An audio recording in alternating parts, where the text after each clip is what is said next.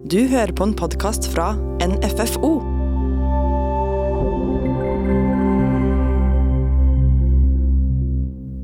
Velkommen til denne podkasten, den første podkasten fra NFFO, Norsk faglitterær forfatter- og oversetterforening sin podkast. Vi skal snakke om en av de tingene som har hjemsøkt landet vårt eh, det siste året, eh, og i Litteratur-Norge. Eh, en litt sånn Ville Vesten-aktig periode, vil jeg nesten kalle det. Nemlig digitale arrangement og digital formidling. Vi skal kanskje komme inn på hva som har vært bra, hva vi har lært, hva vi helst bare vil brenne på bålet og aldri se igjen, og kanskje spå litt om hva vi kan forvente i framtida. Vi har ikke kanskje så mange fasiter å komme med, men jeg tror kanskje noe, vi har noen på lur. Eh, men vi er iallfall Marta Breen, som er sakprosaforfatter, eh, tidligere leder i NFFO, eh, og podkaster, feminist. Nevn det, hun er det. Lisa Digernes hun er jurist som jobber særlig med rettigheter og kontrakter i kunst- og kulturfeltet, både innenfor film og TV og forlagsbransjen. Kanskje den fasiten vi har på lur. Eh, og Ingvild Hertzog, som er leder i Norsk Forfattersentrum. Og jeg er Eline Skår Kleven og direktør for kulturformidling ved Nasjonalbiblioteket. Velkommen, alle tre. Takk. Takk. Hvordan eh, har dere det? Det er fint å se dere i fysisk form, liksom, med sprøyte i armen og liksom håp i øynene. Jo da, det kommer seg nå. Ja. Begynner jo å se at uh, vi våkner litt til liv igjen. Deilig å være her i person. Ja, Ikke sant? Ikke sitte på Teams. det, lysner. Det lysner. Det lysna. Det er bra. Men vi kan jo eh, komme litt inn på året som har gått. Det har jo vært et eh, rart år for alle, og det har vart her forferdelig lenge. Eh, men Martha, du, jo, du lanserte jo en bok den 8. mars i fjor. Ja. Rett før Norge og verden stengte ned. Hvordan var det? Jo, nei, altså Selve lanseringen var jo smertefri, den. Da var det fullt hus og eh, optimisme, selv om man hadde hørt om denne, dette viruset som nærma seg. Eh, jeg hadde jo på tapetet da ganske mange oppdrag internasjonalt, for dette var en bok som var rett og slett skrevet for eh, det internasjonale markedet først og fremst. 'Hvordan bli en skandinavisk feminist', var tittelen. Og den var forhåndssolgt til Tyrkia og Tyskland, og jeg var booka til ja, et stort bibliotek i London uka etter. Jeg skulle til Aten, jeg skulle til Stockholm. Så det var rett og slett for min del så Ja, den uka var ganske dramatisk for alle, men jeg følte jo at jeg så liksom karrieren forsvinne der og da, fordi at de, de avlysningene kom eh, Alt ble avlyst? Ja, alt ble avlyst. Og det veldig I løpet av et par døgn så skjønte man Fra man sa nei, nei, jeg skal jo til London på torsdag. Altså, jeg sa det til mannen min også, og han sa nei. Skal, han var litt mer realistisk enn meg. Du skal ikke det. Og jeg bare ja, men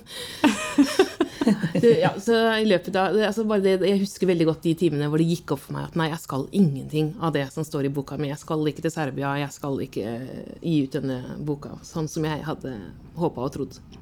For det var jo, altså, I og med at det her skjedde jo liksom akkurat mens Norge stengte ned, og så tok det jo liksom eh, iallfall ei uke før folk begynte å tenke sånn Før vi begynte å snakke om dugnad, f.eks., før vi begynte å snakke om eh, digital formidling. Eh, eh, men hva skjedde så? For da kom det, jo, eh, kom det jo, eh, folk som bare raska inn. Jeg husker vi på Nasjonalbiblioteket satt sånn og googla hvordan ta opp ting fra internett. Det her er det noe som heter Zoom.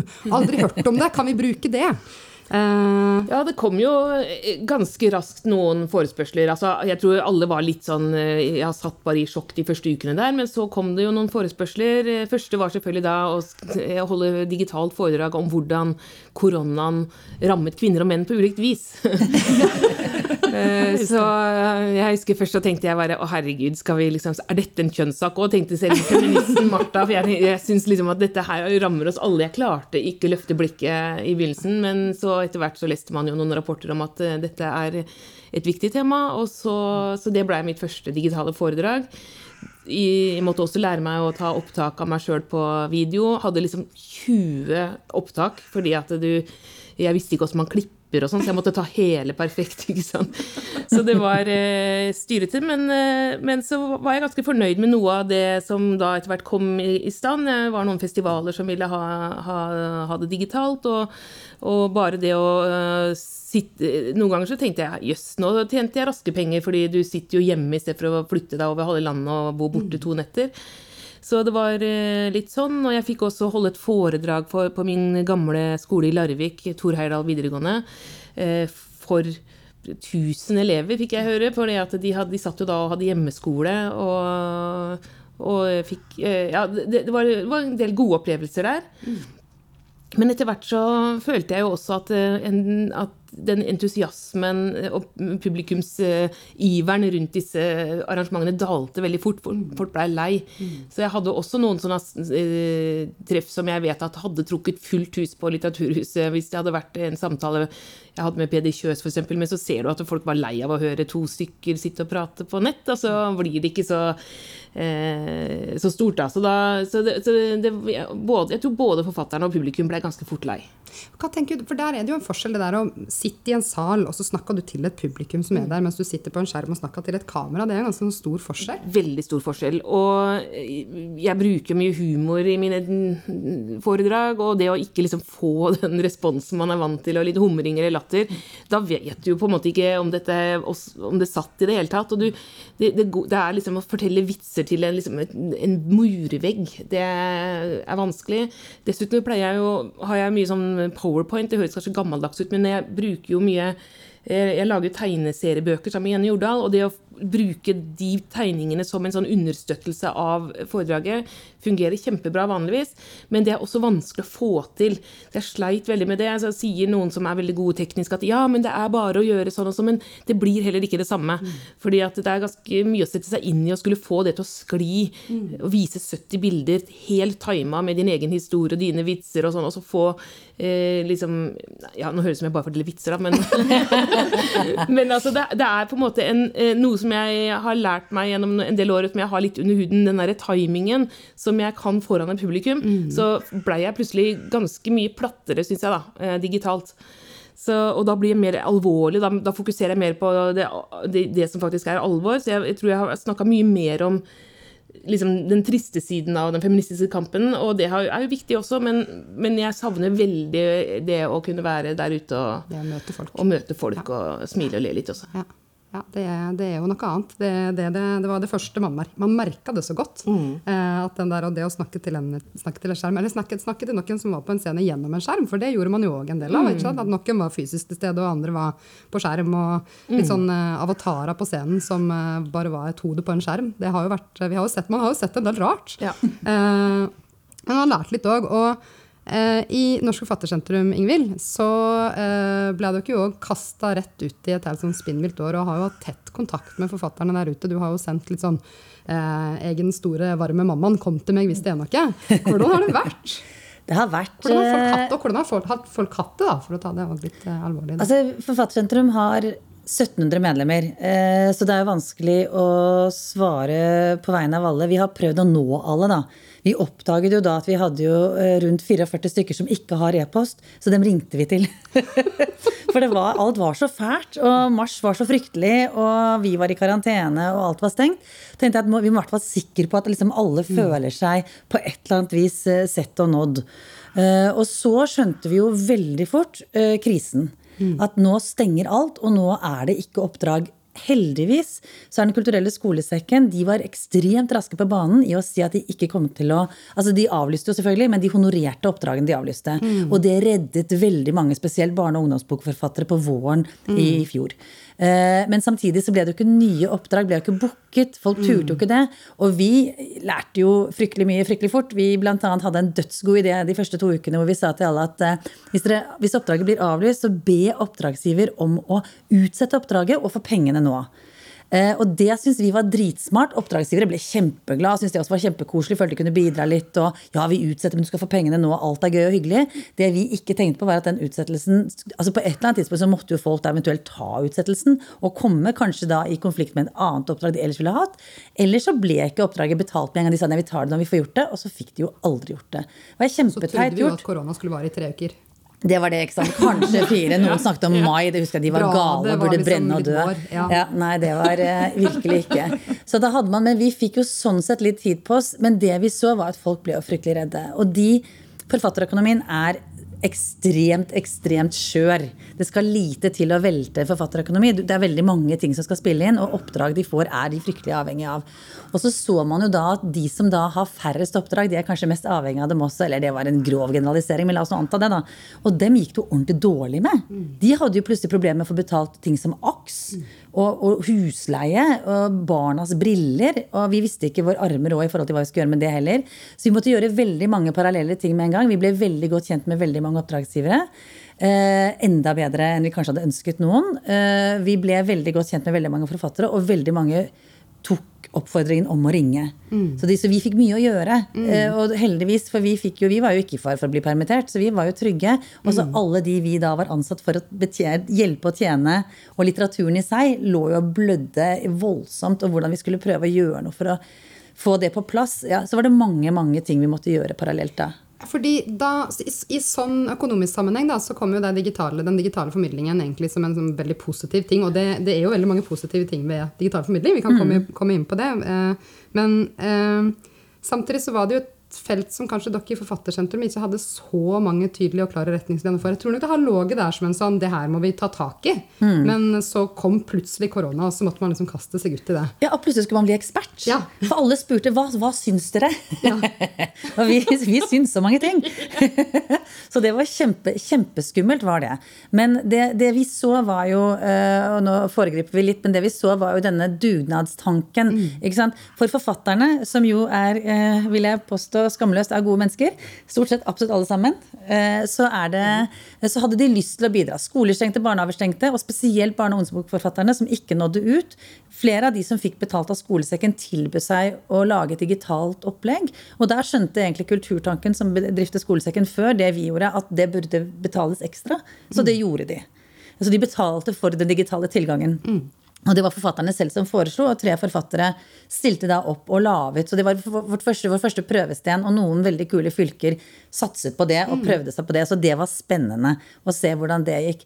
Men så har du liksom eh, alle de andre. Hva gjør vi? Vi har lyst til å lese barnehage, vi leser boken vår høyt og legge det ut på internettet. Legge det ut på YouTube, legge det ut på Facebook. Og da skjønte vi fort at det kan det, Og så skal man da si nei. Man skal si nei til de stakkars små femåringene som ikke får sett hverandre, og som sitter hjemme med mamma og pappa som gråter og slår hverandre. Og så skulle de kanskje få lov å se på en eller annen hyggelig hyggelig bok bli lest. Og selvfølgelig sier forfatter ja. Av og til sa forlaget nei. Og så måtte vi stå der og si at vet du hva, det er åndsverket deres. Ja, vi skal komme litt inn på det med høytlesning og sånt. Ikke sant? eget, Ja, jeg hoppet med, over mange med. Lisa. Ja. Men, men, eh, men, men, det var, eh, men, men så kom jo også, som Martha fortalte om, altså de digitale foredragene og de digitale mm. arrangementene. Eh, og først så var det bare kult. Så så vi jo at det var jo ikke så mange av dem. Og det var jo stort sett de forfatterne som man kunne tenke seg, som f.eks. Martha Breen, da, ville egne seg ypperlig til det. Så vi mistet jo etter hvert en bredde. Vi så at eh, de små rare, kanskje, eller de små litt annerledes, eller den litteraturen du ellers ville møtt på et arrangement eller en festival, den møtte du ikke digitalt. Ja, det er jo interessant. Så at det- det var liksom mange av de samme som fikk, deg, fikk oppdragene. Ja. Og andre ting som eh, Den, den modige programmeringa forsvant kanskje litt. Ja, det synes jeg var godt sagt. Den modige programmeringen forsvant. Og det var, det var litt nødvendig, for man, skulle, man måtte jo prøve å lokke folk til et nytt medium og se på litteraturformidling på en helt annen måte. Eh, Så det var også hvordan skal det da betales. Og så opplevde vi fryktelig fort at noen fortalte at de hadde laget et foredrag eh, som var blitt lagt ut. Og så hadde de en annen som de hadde fått tilbud om foredrag, å holde foredrag for, som de hadde blitt enige om å gjøre digitalt, som sa sånn Du, vi har funnet det på YouTube! Du slipper!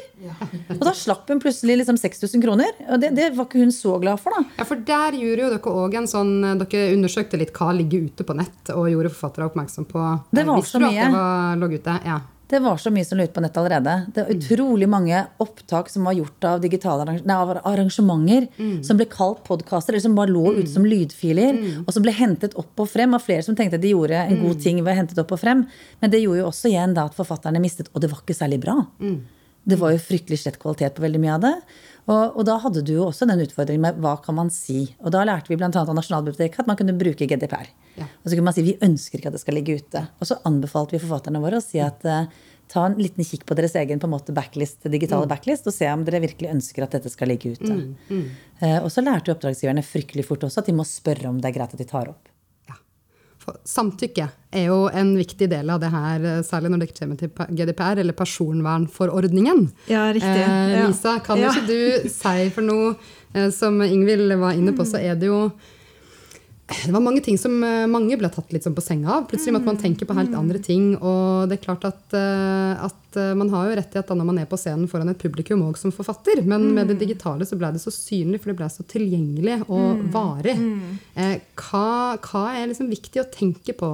Jeg tenker det er forskjellige, vi, vi kan gå inn på de forskjellige tingene som gjelder. Men hvis vi tar GDPR, eller personvern, i første runde, så er det på en måte hva er det du har gitt lov til, og samtykke på en måte for, å behandle mine personopplysninger. Og samtykke er en måte å ha et, måte, et behandlingsgrunnlag på. Det kan du trekke når som helst. Men det finnes andre, eh, andre grunnlag òg, og det bruker vi ofte i de kontraktene vi utformer for våre klienter. at man på en måte det er en del av leveransen du skal gjøre. Du skal være med og snakke jeg med her i podkasten i dag. Det skal legges ut, og det skal streames. Eh, og, og, da er jeg her i person, og, og, som en del av den leveransen jeg gir, gir altså samtykke til at den skal legges ut. Og da kan ikke jeg trekke det samtykket senere. Så det kommer an på hvordan du formulerer Så det kan formuleres. For det, det, det, her, det her, var litt nytt for meg. For jeg tenkte GDPR, eh, sånn som jeg har forstått den eh, lovgivninga, så kan du egentlig trekke samtykke ja, når som helst, er, og etter at du har inngått en kontrakt. Helt riktig. Ja. Så, så, det er ikke samtykke som er på en måte behandlingsgrunnlaget. Nettopp. Det er det at jeg skriver under en kontrakt, og en del av min leveranse er at, at, eh, at, eh, arrangøren får tilgang til ja, At du gir fra det, deg, på en måte. Ja, ja, det er det samme som med sånn, den nye samtykkeloven og voldtektsdebatten. At man, selv om man har sagt ja ute på byen, mm. så kan man trekke samtykke når man ligger i senga. Kanskje man må ha liksom GDPR over på ja. det, skal vi, det, skal vi, det er for alvorlig å tøyse med.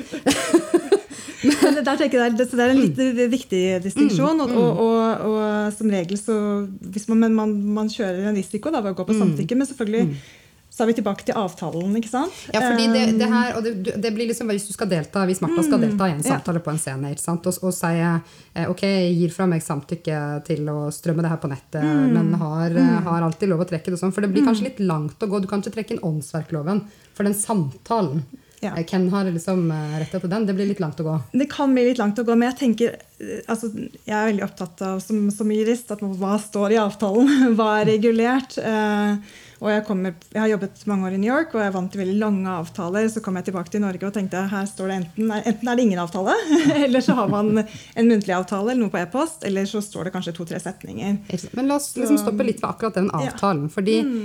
eh, Hvordan opplever du, Martha? Er det ofte du liksom signerer en kontrakt når du er ute på oppdrag rundt omkring?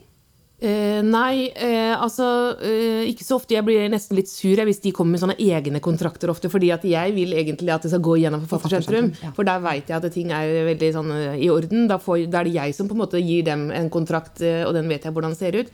Mens øh, hvis, skal, hvis, de øh, har sin egen, så er jo de alltid helt forskjellige. Så da blir det mer, da må jeg sette meg inn i hver enkelt ja. kontrakt på det. da. Men, men, det som, men det hender jo at jeg, det, at jeg, gjør det. Jeg skriver under. og da står det jo noen ganger noe om dette med strømming eller med digitalt.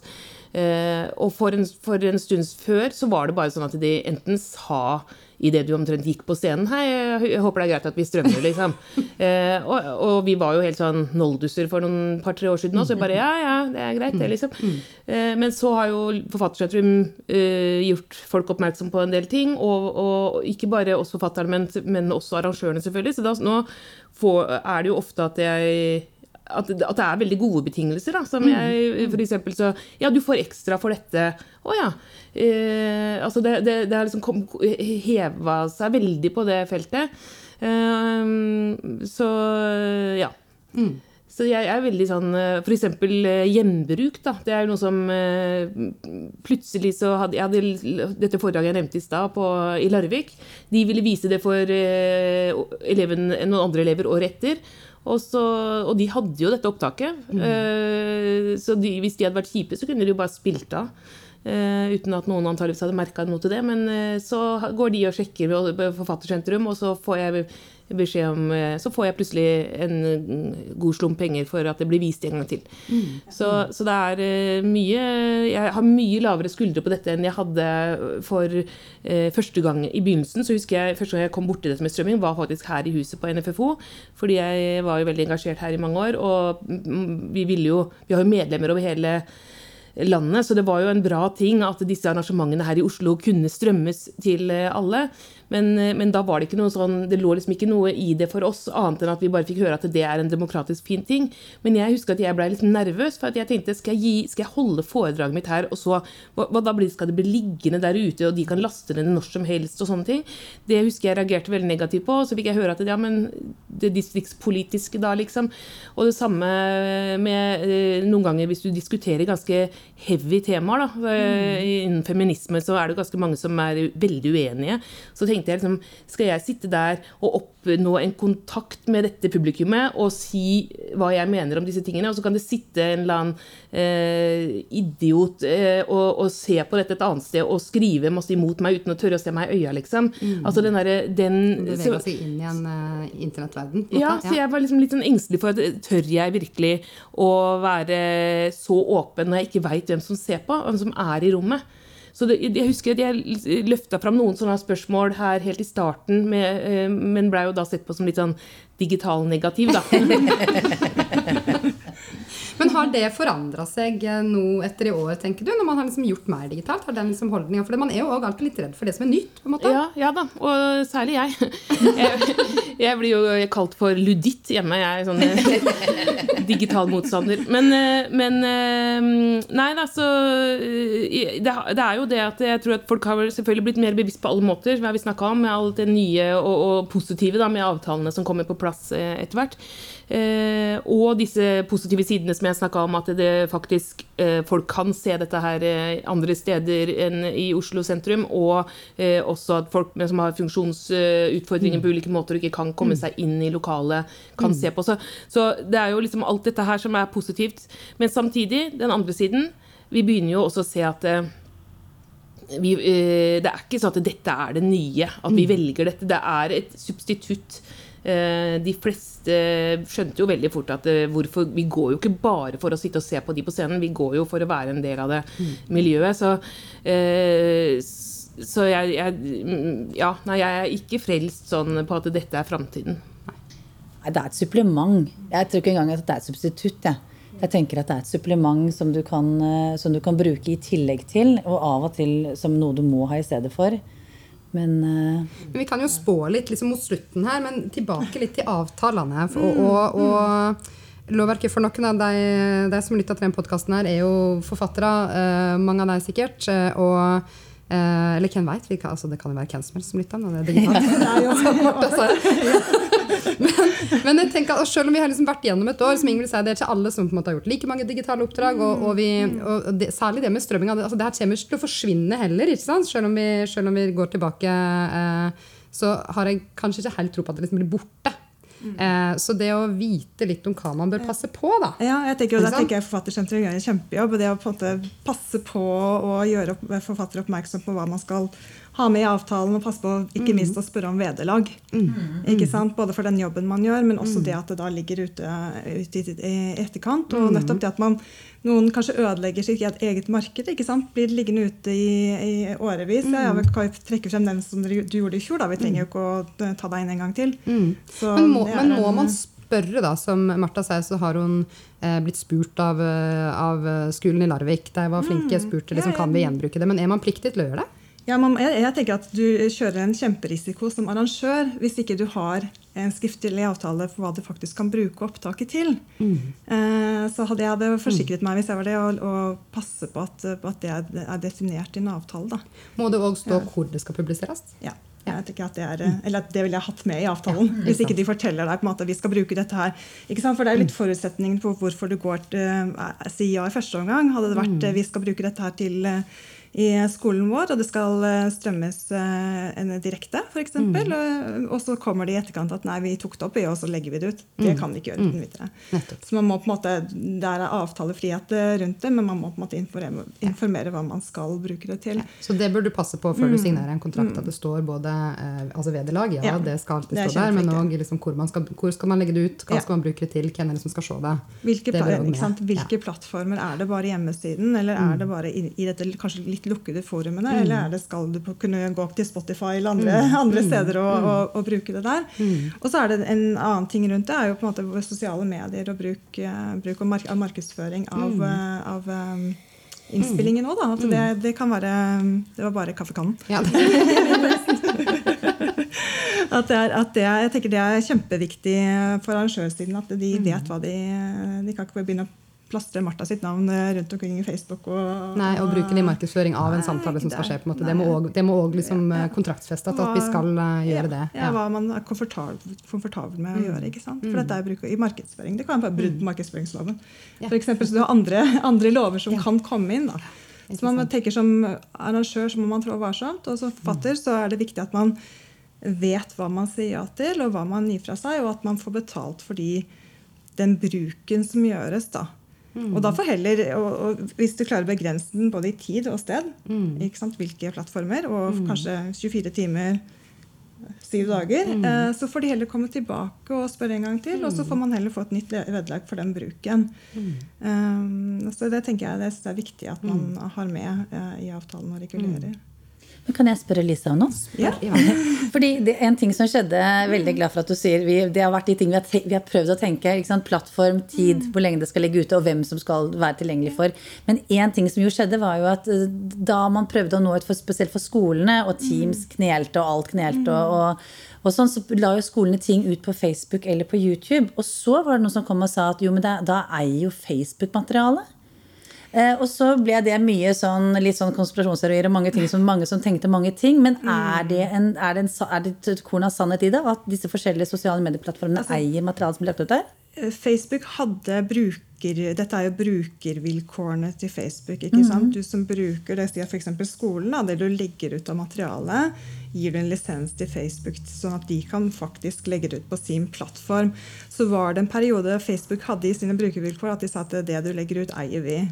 Eh, Og da ble det ramaskrik. Så jeg mener at de har Ja. gått tilbake på den. Så man, man kan, det, det blir litt for enkelt å si å jeg vil lade ut på Facebook, og nå er det, er det Facebook som eier det. det er for, man kan jo få det fjernet. Ikke sant? Og det er samme med YouTube òg. jo, vi eh, jobbet med ganske mange store TV-selskaper i USA når jeg var der. eh, Og da hadde de én person som satt hele dagen og fulgte med på YouTube. Ligger det nye TV-serier ute nå? Noen som har lastet opp? ikke sant? Ned, ta det ned, ta det ned. Det var, det var fulltidsjobb. Så det er en litt sånn eh, Det er litt Ville Vesten for, eh, fortsatt, men, men eh, det er ikke de som eier det. Man Nei, for det kjente jeg. Det ble Ja, ja, det utrolig riktig. skummelt. En sånn tilleggsskummelt Ja, ja. het ting. Ja. Om dette plutselig også vil frasatt, frasa seg sitt eget åndsverk til Ja. Facebook, liksom. Nei. Det, det er ikke riktig. Og, og litt tilbake til det, på en måte, det med, med åndsverk og hvordan man på en måte kontrollerer det. Da. For jeg tenker det er, det er litt viktig å tenke på i utgangspunktet. Eh, du som forfatter på en Og det er jo særlig sånn, hvis, du, hvis du leser, Ja. leser fra, Ja. fra boka di, ikke sant? Ikke det kan være et lanseringsøyemed eller et, et, en samtale om den boka du leser fra den boka, eller, eller ja. at man eh, som vi også så en del under korona, som du var litt inne på i starten, Ingvild, det her med at eh, bibliotekene leser en bok. Eh, og det er jo en, en fantastisk ting som vi alltid har gjort. Ikke sant? Bibliotekene har lest, lest for barna. Eh, og det vil man jo fortsette med, så det er jo, det er jo gode intensjoner bak der. Men hva tenker du, eh, Lisa, er viktig rundt det? da? Hva må du som forfatter tenke på da? For da, han, da kommer jo åndsverkloven inn. Ikke sant? Og det på en måte, du har to ting. Da. Det ene er måte, verket ditt, det du har skrevet. Og så er det den eh, fremføringen av, eh, av eh, enten om det er et eh, foredrag som du har forberedt, eller at det er høytlesning av boken med noen tilleggsting. Så det er to forskjellige rettigheter man har under åndsverkloven. Det er på en måte hvordan du fremfører verket, og også hvordan du tilgjengeliggjør det. Og det kan være sant, gjennom digitalt eller i bokform eller som e-bok f.eks. Eh, så da tenker jeg det er veldig, eh, som forfatter er det veldig viktig å vite hva, altså hva som står i eh, forlagsavtalen. Eh, for du vil jo plutselig ikke være i brudd. Med den heller. Nei. Og det vet jeg dere har eh, Ja, for det dukket opp Ja. som en ny spennende ting. Akkurat det, at, at plutselig var forlagene en tredje aktør i hva som kunne legges ut på internett eh, og ikke.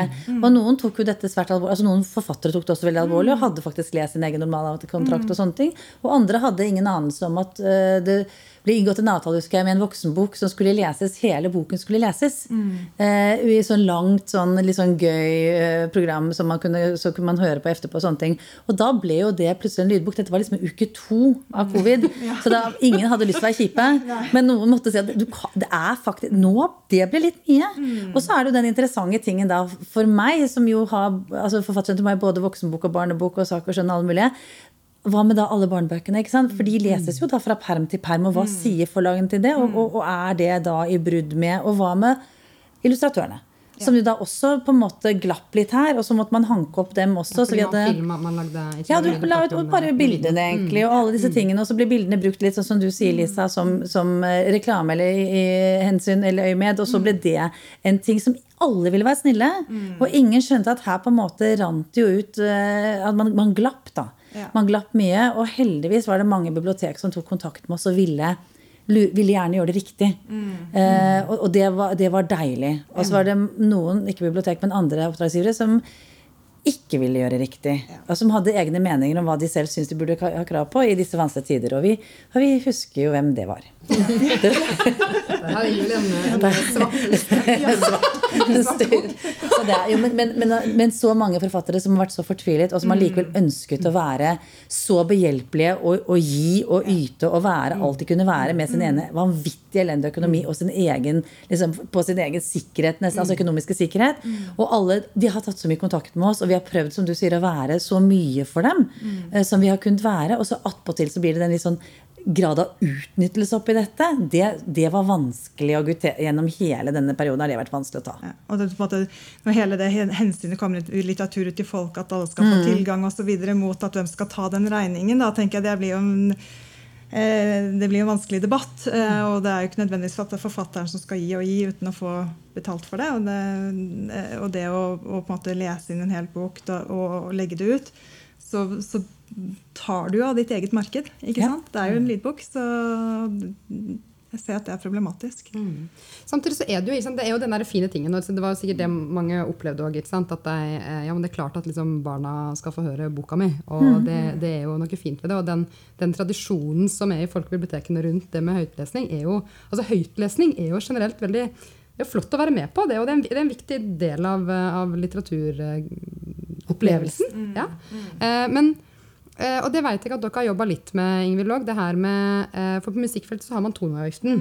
Eh, og hva, hva er toneavgiften, Lisa? Altså, Tonoavgiften er kanskje litt eh, det, er forskjellige avgifter. kommer- og Det kommer an på bruken du, du ønsker å, å, å gjøre av musikken. Da. Så Tono representerer sangtekstforfattere og komponister og forlagene. Sånn at hvis du skal bruke musikk, f.eks. i en offentlig fremføring, i konserter osv., så, videre, så må du, må du betale for det. Fordi det er en bruk av et ånd- det er bruk av åndsverk. Og da kontakter du Tone og, og forteller om bruk, hva, hva, slags Som håndterer det på vegne av ikke et sant. kollektiv. Så, Ja. ja, så har de, de har en kollektiv forvaltningsavtale på vegne av alle, alle disse sangtekstforfatterne og, Mm. og musikkforlagene. Da, og samler inn penger. Sier de, ok, jeg skal ha en konsert, det skal være så mange til stede. Er det inngangspenger, er det ikke inngangspenger? Eh, skal den legges ut digitalt etterpå? Så er det en egen avgift for det. Så det er på en måte, De har ganske sånn detaljerte eh, avgifter, og det vet jeg at dere har tenkt litt på i Forfattersentrum også. Hvordan er det man strukturerer et vederlag? da? Uh, men, men eh, det er en, en måte å klarere musikk på. Men hvordan har dere jobba med det, Ingvild? Eller har dere, er det liksom samtaler rundt akkurat det? Det er så mange samtaler rundt det. Det er det. Og der er vi jo på langt nær alene. Det er jo NFFO med, og DNF, altså Forfatterforeningene og Oversetterforeningen også til en viss grad Dramatikerforbundet. Og bibliotek, nei, Bibliotekforbundet. Fordi altså, ingen, altså, alle vil vel. Og noen kjenner jo til Tono. Og noen kjenner til at det er logisk Hvis Martha har et foredrag og spiller Aurora, så får Aurora penger. Og hvis dette blir spilt inn om igjen, nå er jeg jo ikke på Larvik altså det er jo noe med Hvis noen andre leser din tekst da, eh, og spiller av Aurora samtidig, så vil da den andre som leser, vil jo få et honorar. Martha vil ikke få noen ting med mindre vi passer på, og Martha passer på. Heldigvis så prøver jo det. eh, Og Aurora. Altså sånn, det er en automatikk for musikerne som ikke er selvsagt for, for forfatterne overhodet.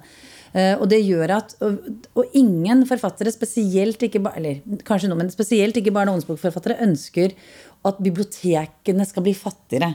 De ønsker ikke at bibliotek skal måtte betale penger for at deres bok skal nå ut til alle de søte barna.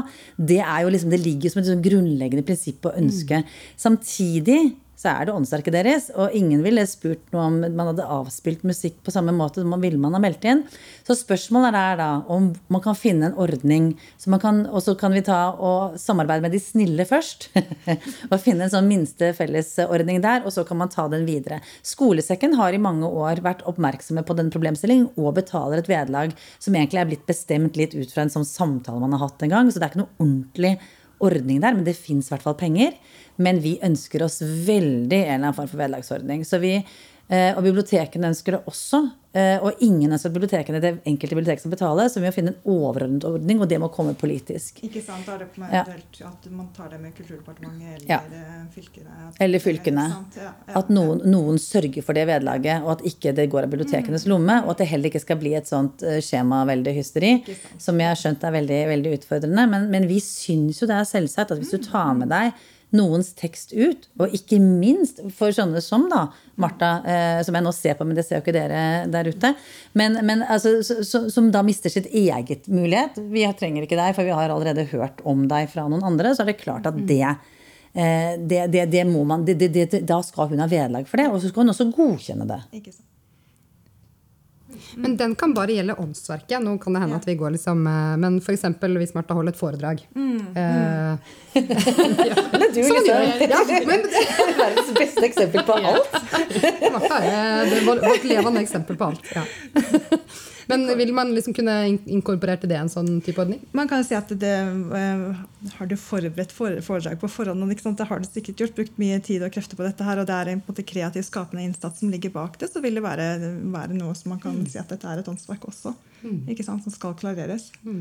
Så er det selvfølgelig fremføringen av den i tillegg, da, som en utøvende person. Ja, for vi har jo lyst til å dra den litt langt, egentlig. Ja. Jeg mener jo at øh, Jeg ikke bruker deg da, Martha, men bruk en annen. Som har, veldig, som har gode, gode arrangementer og gode foredrag som du skjønner er godt gjennomarbeidet, godt gjennomtenkt. Det ligger og så kunne man prøve å herme. Sitt, men men det, ja, jeg tenker jo at det ligger det, det, Men en samtale så begynner det å bevege seg over i hvem eier samtalen? Hva med moderator? Hva med deg, Eline? Eier du denne samtalen egentlig litt mest? Ja.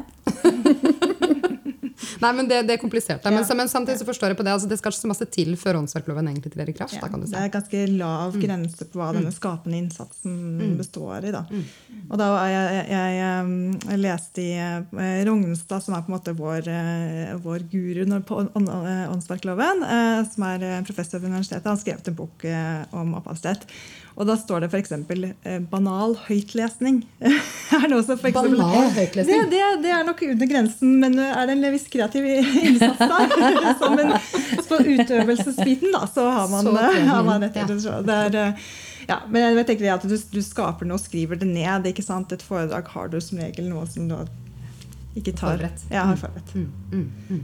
Så, så er det beskyttet. Uh, og da er det på en måte igjen ikke sant? dette her med hvordan skal man bruke det. Er det tilbake til bibliotekene, dette med opp, eh, høytlesning eh, der og da, eller tar man det opp, og så er det digitalt, så blir man på en måte, da er det en annen bruk igjen. Så er det to, to forskjellige klareringer man må ta, ta seg av. da. Så jeg skjønner at det her blir satt på spissen nå. ikke sant? For man, Bibliotekene har selvfølgelig hatt? De har vært, Det har vært fysiske arrangementer, og så har det på en måte kanskje vært akseptert. Eh, men når man ser nå at det legges ut på, på, på nett osv., så, videre, så blir det et helt annet marked. Men det er klart, Altså, er nå er ikke ja. litt som med sitatretten. Den bryter oss jo overalt hver eneste dag. Ja, for Vi kan gå litt inn på liksom, hovedregelen. sant, er at det er en enerett. og Hvis man skal på en måte bruke et åndsverk eh, uten å betale for det, så må det være under en av unntakene i loven. Så har du på en måte sitatretten, som er veldig streng. Det skal, det, det skal gjøres i henhold til god skikk, og det skal være så fremt det er nødvendig. Og, og jeg tenker der er det også et eksempel eh, i denne guruboken vår. Da, som jeg kaller det, som, der står det altså, Bruk av f.eks. én til to setninger fra en bok kan være greit. Vi snakker om én til to setninger. Det er ikke bruk av hele boken. Langt der. Så jeg tenker Gode eksempler er f.eks. Um, i dokumentar, dokumentarfilmer man bruker. Kanskje leser et, litt fra en bok, og så, så kritiserer man det eller diskuterer det etterpå. Det er et, det er et måte, formål med å bruke dette her. Det er ikke bare lese det opp og spille inn. Eh, Det kan man ikke ta under sitatretten. Og så har du et annet unntak i loven nå som gjelder tilstelninger hvor, ikke, hvor bruk av åndsverket ikke er i fokus. Eh, og det er ubetalte tilstelninger. Så det kan være et ungdomsstevne bruker de f.eks. som eh, eksempel i loven. Eh, hvor de kanskje leser høyt fra eh, en bok, et kapittel f.eks. Så tenker man det er ikke det. Man er ikke der for høytlesning, men det gjøres i, i et arrangement. Eh, så kan det være greit. Er jo kanskje noe av det Vi skal ikke gå liksom for uh, Det her kan man jo snakke om til sist. Men, eh, men, eh, men eh, det er vel kanskje noe av det som ble satt litt på spissen under koronaåret for dere, Ingvild. Den derre eh, grensen med hva som eh, hva som er praktisk gjennomførbart òg. fordi man kan jo, jo, Vi kan ikke ha jurister liksom, i alle arrangørledd. ikke sant? Og det er forfattere er ikke jurister. Vi må liksom ha en eller annen ordning som, som føles ok, og som, som går an å gjennomføre uten at man må sitte og krysse av for, for jussen. Altså, for det, det vi gjorde, som jo faktisk gjorde veldig mange, spesielt bibliotek, men også mange andre oppdragsgivere sinte på oss, var jo at vi sa at eh, man må spørre forfatter før man kan lese høyt. Fordi det som jo skjedde, var at man flyttet arrangementet fra biblioteket eller fra scenen og over på internettet. Mm. Og så tenkte man at den øvelsen der, den er grei. Og, og det vi hadde gjort hjemme, det var jo å lese høyt fra boken og snakke med hverandre. Så nå gjør vi det på internett istedenfor. Til, til glede for alle i karantene. Og så sa vi at dere kan faktisk ikke lese tekst høyt uten at forfatter er- har godkjent det. Og akkurat det ser vi at det kan by på store utfordringer. Og så der har jeg også skjønt at Tono-regelverket er Er du med i Tono, så har du sagt at da kan folk bruke musikken din. Og litt det samme må vi prøve å finne en eller annen eh, landing på der. Fordi at det skjønner vi at det kan man ikke gjøre. Eh, At man hele tiden må spørre om, om lov til det. For det gjelder jo også på biblioteket. Eller på, på et hvilket som helst arrangement du ellers skulle ha. Det vi jo også oppdaget, var jo hvor mye tekst blir brukt. For da folk plutselig skjønte at åndsverk, og vi begynte å rasle med sabelen litt, litt høyt, da, så kom jo, fikk vi jo henvendelser fra fryktelig mange fra Norske kirke, som jeg ikke hadde tenkt på et sekund, egentlig, men fra veldig mange som sa du, hvordan, Og masse av våre egne organisasjoner også, som lurte litt på Litt sånn som du snakket om, Martha, at eh, hva, nå ble dette plutselig så vanvittig tilgjengelig. Eh, Hva, hva, skal, det honoreres? Skal det vedlegg? Har vi lov? Eh, og kan vi gå tilbake og hente ting og, og sånne ting? Så det, det var interessant å se, og det, og det gjorde jo også at én ting er at det digitale og koronaen gjorde at man, man fikk et økt behov for en ordnet regler, men jeg ante ikke hvor mye som faktisk allerede ble, ble brukt, som igjen da har, har understreket Det det, store behovet. ha. Det er kjempegøy. Ja. Det er kjempe, kjempegøy. Og spesielt norske. Jeg ble så glad da du ringte. Vi vil så gjerne gjøre dette ordentlig. Ja, var sånn, men så hyggelig! Ja. Men, men eh, nå har vi vært litt sånn inne på hva, hva som har vært, og dere var litt sånn inne på at okay, det, er, det er et substitutt, det digitale er et substitutt. eh, Det kan, ikke, kan aldri erstatte det fysiske møtet. og Sånn, men noe av det vi kanskje kan komme til å se framover, er jo at, eh, at eh, Og vi har jo sett noen eksempler på det. Litteraturhuset hadde en podkast. Det har kommet noen litt sånn andre eh, digitale formidlingsformater eh, som man kanskje ikke arrangørene har gjort før, eh, som kanskje nærmer seg det NRK gjør, som er mer TV-produksjon-lignende ting, eller Radio, radio som kanskje kan komme litt mer av. Og da vil det være en annen sånn forutsetning. Da er, jo, da er jo utgangspunktet digitalt, og ikke et fysisk møte. Hvordan vil det for deg som eh, ikke syns det er gøy å snakke til den skjermen være, Martha? Nei, altså det med podkast, det driver jeg jo med sjøl òg. Som en hobby, egentlig. Jeg får ikke betalt eh, i det hele tatt. Men, eh, men det er jo på en måte en form for radio. radio eh, et eh, forum som jeg tror som, som nå ja, er, Jeg bør ikke fortelle folk om podkast. Det er eh, veldig, veldig populært. Og, og hvordan eh, Og det kommer det sikkert til å være langt framover. Og forhåpentligvis så eh, vil det være mye altså, eh, altså Det har alltid vært en utfordring for eksempel, å bli invitert til NRK Radio som eh, ekspert eller som forfatter eller hva som helst, eh, eh, og prøve å få noe penger for det. Altså De har et eller annet skjema som ligger og støver ned på et loft, som, eh, hvor du kan eh, liksom, Hvis du virkelig ber om det, så kan de grave det fram, og så kan du få 800 kroner for å ha eh, tilbrakt formiddagen på Marienlyst. Men, eh, men det er ikke mye bruk, da. Eh, Så det er vanskelig å få penger for å liksom eh, bruke kunnskap, eller formidle kunnskap på radio, og også på pod, antageligvis. Eh, Så, så det, der trengs det jo fremdeles masse sånn bevisstgjøring på at det her man, Det er ikke reklame for boka. Ingen som kjøper boka fordi du snakker fem minutter på radio, men du må ofte forberede deg ganske lenge, og som eh, bruke krefter på det. Så, så alt det der, men det er jo sikkert en framtid i det. Eh, men personlig, for å si det sånn, så mm, så ja, altså jeg sa nei i går til, til et digitalt arrangement. Eh, det var nemlig da Jeg skulle egentlig ha en sånn byvandring i Oslo og fortelle om kvinner i Oslos gater. Ja. Gleda meg sånn til det. Og så ble det avlyst. Nå, nå, begynner jo disse avlysningene å strømme på igjen mm. for denne høsten.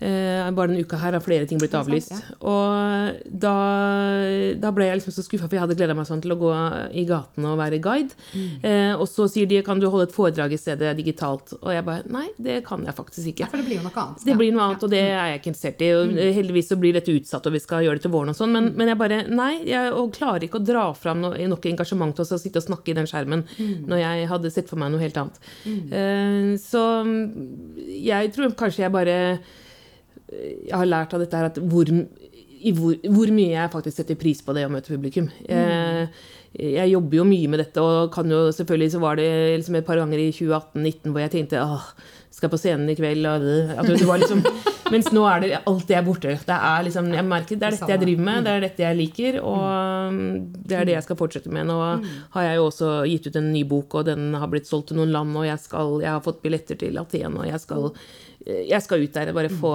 jeg har dessverre bare én sprøyte foreløpig, men det blir to til neste, neste uke. Og da, da, reiser jeg ut igjen. Da fikk du ut, ja. Ja.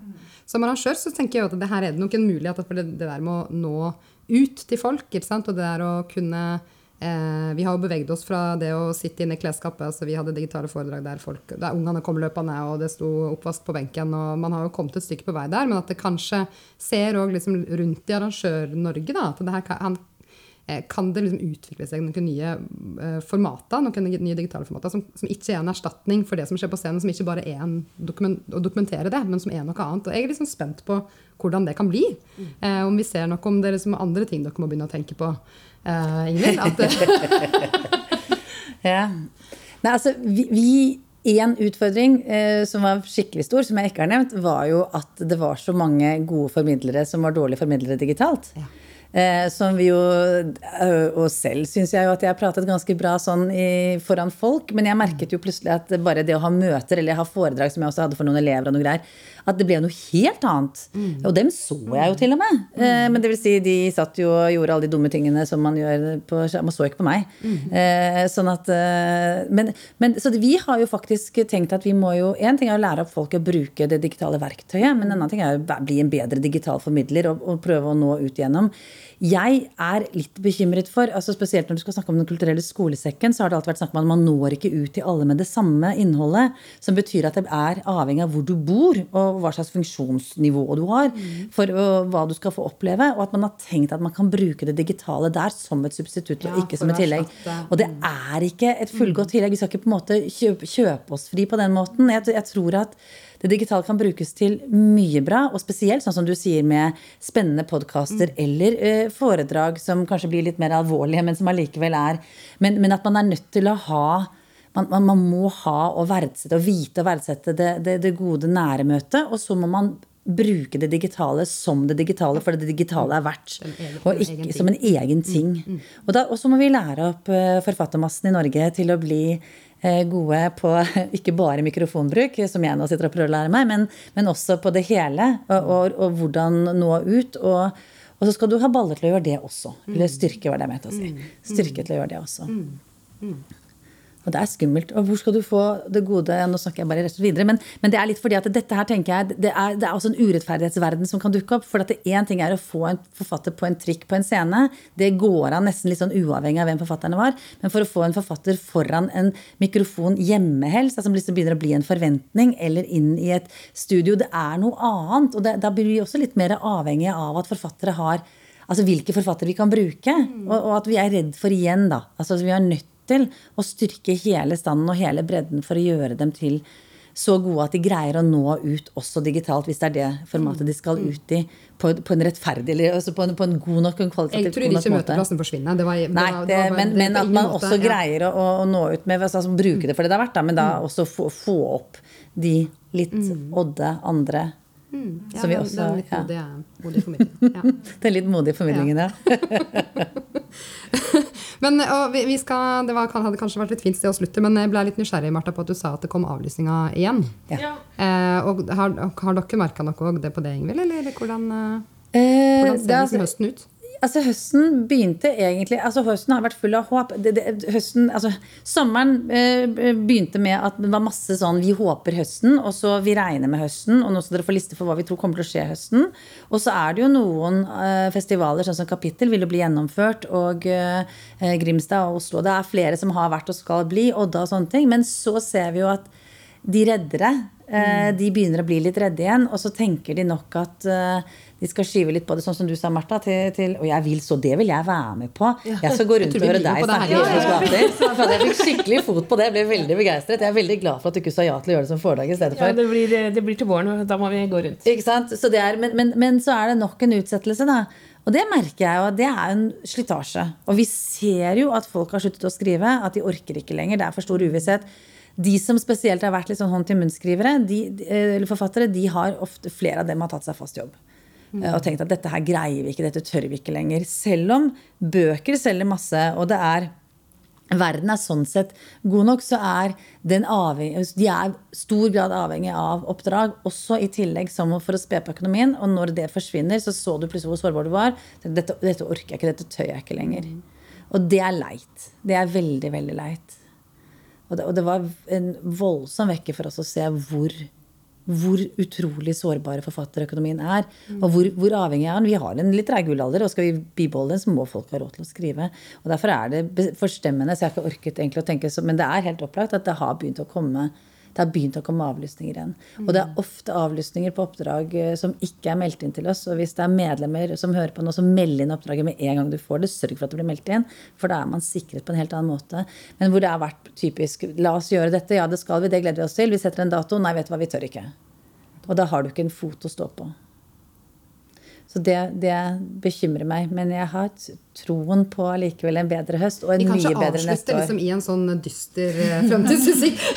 Nei, men det skal tas opp. det skal tas opp. Vi skal bare gi folk høsten, og så skal folk overleve høsten. Og så skal vi gjøre, alle, skal gjøre det vi kan for å få forfatterne gjennom høsten. Og en god bokhøst kommer det til å bli. Og så neste år skal være den store blomstringen. Alle går med Martha rundt i byen. Ja. Ikke sant? Alle skal gå med Martha rundt i byen mange ganger. Alt du skal gjøre hele våren. Byvandring i feminismens fotspor. Ja. Ja. Vi har eh, fortsatt, det er fortsatt ting å gjøre og ting å lære og vei å gå, men eh, vi ser lyst på det i det store og det hele. Ja. ja. Skal vi avslutte der? Ja. Tusen takk, Lisa, Martha, Ingvild. Takk. Og takk til NFFO.